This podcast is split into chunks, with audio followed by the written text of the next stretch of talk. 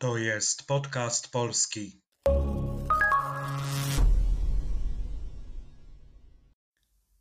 Cześć, witam w kolejnym odcinku podcastu polskiego, audycji dla tych wszystkich, którzy uczą się polskiego i chcą popracować nad rozumieniem ze słuchu i nad wzbogaceniem słownictwa. Oto dzisiejszy nagłówek. Jeden z najlepszych polskich piłkarzy w historii skazany za przemoc domową. Prześledźmy znaczenie kolejnych słów i sformułowań. Jeden z najlepszych polskich piłkarzy. Jeden to liczebnik główny, one po angielsku, najlepsi. Stopień najwyższy przymiotnika e, dobry w liczbie mnogiej. Zobaczmy, jak się go tworzy. Zwykle do przymiotnika w rodzaju męskim dodajemy końcówkę szy. Bardzo często dochodzi do alternacji spółgłoski tematowej albo samogłoski. Na przykład wysoki, wyższy, niski, niższy, ładny, ładniejszy. Z formy w stopniu wyższym, comparative, łatwo tworzymy stopień najwyższy, superlative. Poprzedzając ją prefiksem naj, otrzymujemy wysoki, wyższy, najwyższy, niski, niższy, najniższy, ładny, ładniejszy, najładniejszy. W naszym przykładzie mamy przymiotnik najlepszy, który pochodzi od słowa dobry. Ale przecież one nie są podobne, powiecie. No nie są, bo przymiotnik dobry tworzy stopień wyższy i najwyższy w sposób nieregularny. Dobry, lepszy, najlepszy. Ponadto w naszym przykładzie występuje forma najlepszych. To dopełniacz, genitive. Mówimy jeden z najlepszych, jeden z całej grupy, jeden z nas. W takim przypadku używamy w języku polskim właśnie dopełniacza polskich piłkarzy. W mianowniku powiedzielibyśmy polscy piłkarze. Polscy to liczba mnoga od Polski, Polish. Piłkarze zaś to liczba mnoga od słowa piłkarz, football player. Oto przykłady użycia tego słowa. Piłkarzem roku FIFA w 2019 został Lionel Messi.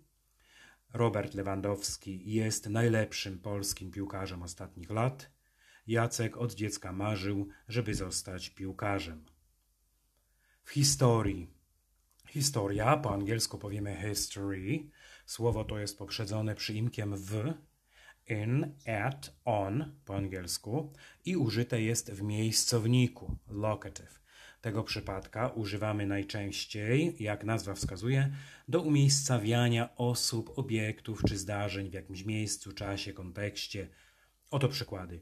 Historia była jednym z moich ulubionych przedmiotów w szkole. Kazimierz Wielki jest uznawany za jednego z największych królów w historii Polski. Skazany za przemoc domową. Skazany to imię słów pochodzący od czasownika skazać, to condemn, to convict.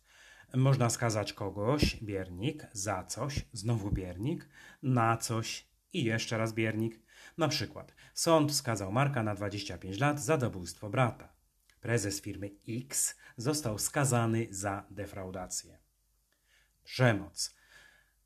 Abuse, violence to brutalne działanie, w którym ktoś stosuje siłę, żeby narzucić komuś swoją wolę albo wymusić coś na kimś, albo żeby pokonać czyjś opór. Oto przykłady. Gdy inne metody zawiodły, władza sięgnęła po przemoc. Władca często stosował przemoc, żeby złamać opór poddanych. Wiele organizacji stara się pomagać kobietom ofiarom przemocy domowej.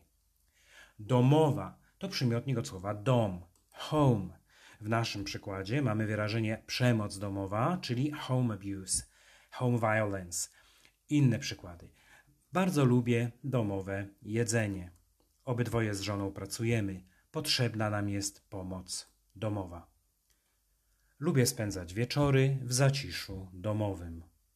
To było ostatnie słowo na dzisiaj. Na koniec jeszcze raz posłuchajmy całej informacji.